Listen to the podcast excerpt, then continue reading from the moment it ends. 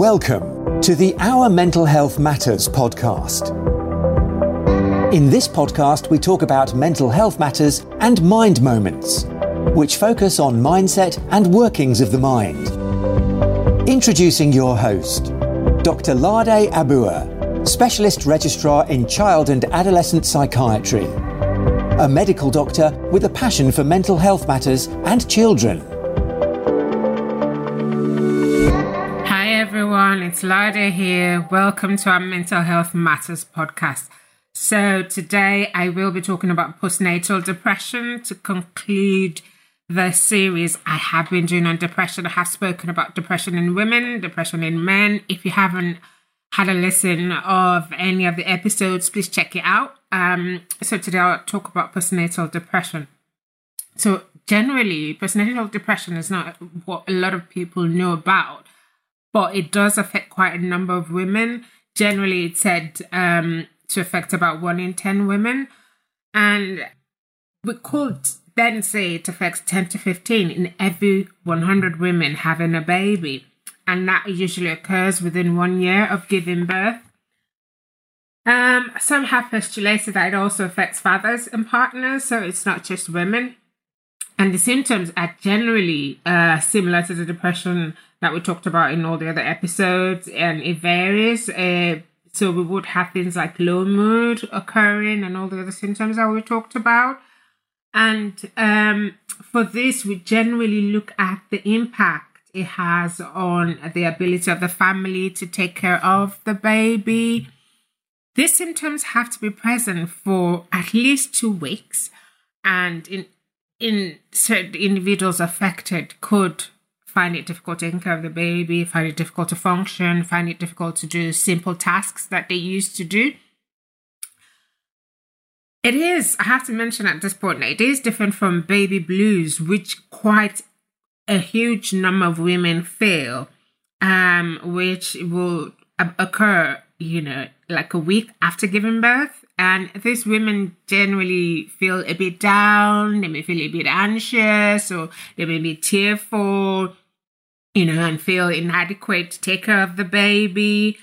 And um, baby blues is considered normal, so it, it doesn't it, it, it doesn't um, appear to be postnatal depression. And what we have to note though is for baby blues, it shouldn't last for more than two weeks after birth. As I said earlier, once the, the symptoms are for more than two weeks, then we have to start thinking of um, postnatal depression and it can occur at any time within the first year after giving birth. That's, that's something we have to note. It, the timing generally varies. For some, it could start within one month of giving birth. For others, it could start within two months. And for others, it could be several months after giving birth to the baby.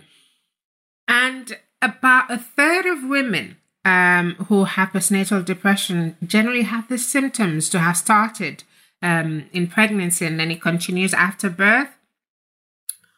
And the signs we need to look out for is low mood, as I said, um, which uh, a lot of the women or the people affected can be unhappy, can be uh, un- can be tearful, or feel worse at certain times of the days, maybe evenings or evening. There's um, a lack of enjoyment and loss of interest in the wider world in things they used to enjoy doing, like games or going out or um, just having fun in general.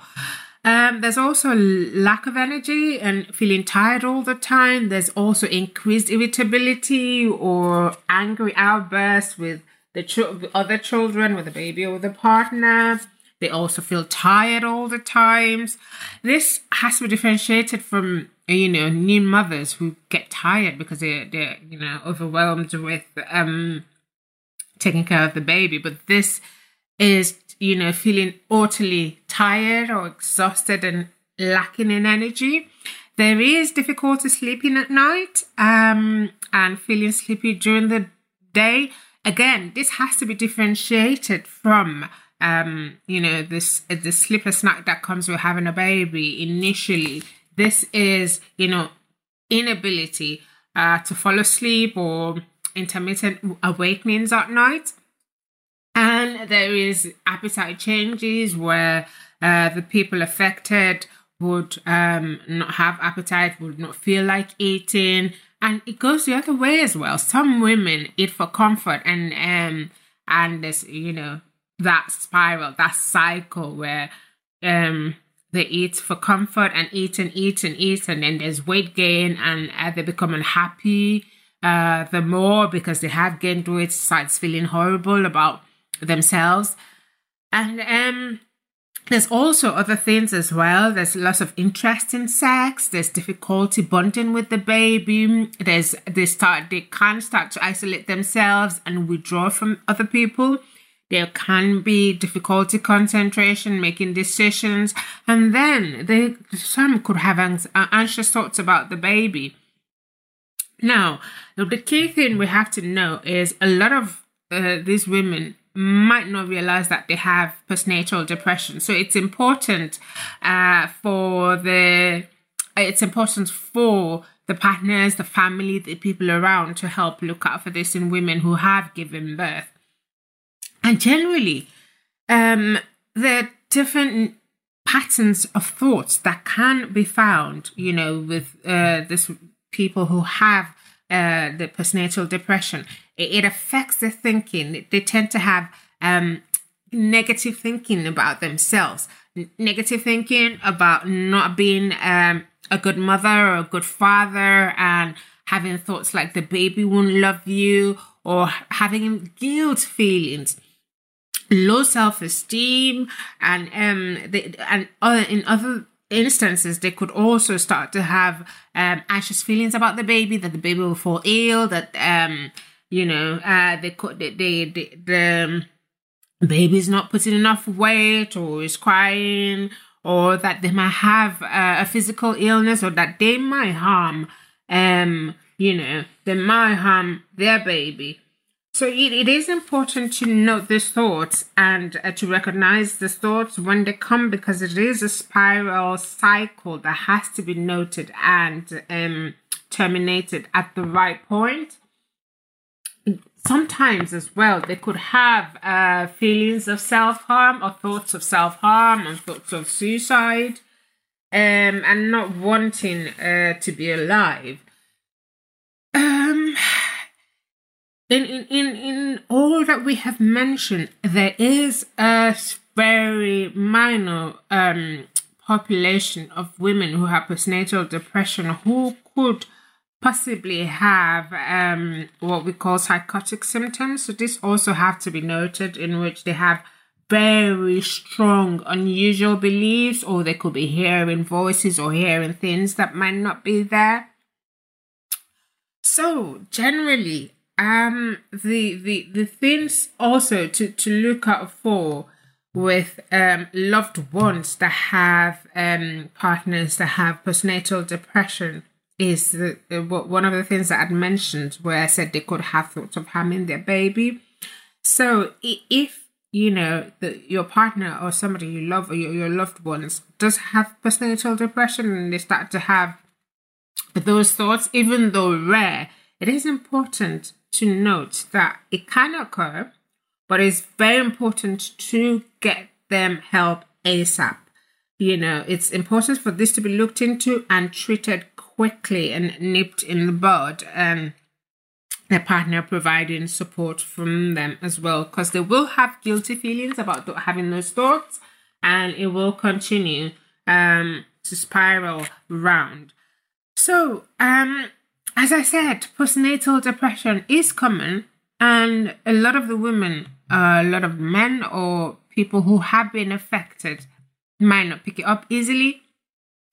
So it's the onus is usually around loved ones to help look out for the symptoms and help refer them early, help get them help early. Go to the GP, inform um, the the the uh, healthcare workers who come to check on the baby, the baby and the mum inform them about how you are feeling. If you're the one affected or if it's your loved one that's affected then help them help to take them to the gp where they will get help. There's different um different ways of treating postnatal depression. It's just like the other ones that we have mentioned previously for depressive uh, treatment of depression which will be the psychological aspect and also the pharmacological aspect, which is medication, and the psychosocial. Now, um, going into the psychosocial, psychosocial will be, you know, trying to see how extra support and extra help can be put in place for the mom um, or the dad who is suffering the, the depressive episode and how they can help to relieve whatever circumstances uh, they are finding difficult in the home or uh, at that environment. And um, also uh, encouraging uh, things like getting self help um, from uh, the GPs or the Royal College of Psychiatry websites, or getting help if you are, uh, if the person is known to the mental health team, discussing this with them. Importantly, also, is to help uh, get them out, get them doing exercise regularly, because that helps to release uh, endorphins, which would help them feel better. Eating a healthy diet, very important. And we need to, um, you know, uh, consider looking at psychological therapy for them and medication. And but this would generally lie with um, the uh, healthcare worker who would work with you through um, the best means and method for you to get treated. So, for the cause, we can't say categorically that this is a cause of depression. Just like we said in, in, in the other episodes, it is a combination of factors. There's the uh, social factors, there's the environmental, and also it tends to occur more in people who've had a history of depression prior to pregnancy or who've had a history of depression, um, you know, in pregnancy as well. At this point, it, it is important for me to differentiate this from uh, postpartum psychosis. Postpartum psychosis, I'll just talk briefly about this. This is a very severe type of mental illness that occurs um, that occurs after having a baby. It's much more less in frequency than postnatal depression. It, it affects just about one in 1,000 women and usually starts within days or weeks after giving birth. With this, though, uh, there is a prominence of the psychotic symptoms. So, prominence of the psychotic symptoms, which I mentioned briefly before, will be having strong, unreasonable, unreasonable beliefs, and also having hallucinations of hearing things when people are not there or seeing things, which is a bit rarer than um, hearing things. And um, this needs to be referred to mental health workers to handle or to, to, treat and manage for those that are concerned. So it's important to differentiate this from postnatal depression. As I was saying, there are no causes. Um, it's more common in people who've had mental health problems previously, who've had depression or anxiety previously, and um, who don't feel as supported as they have um, they should. Um, they don't feel they don't get as much support as they should get. Um, and uh, there are some physical health problems as well that can mimic depression, such as thyroid problems or um, vitamin D deficiency, where they can get tired all the time. So, this is something the GPs and the mental health workers would look into to help rule out. So, going ahead, uh, there have been several myths about postnatal depression.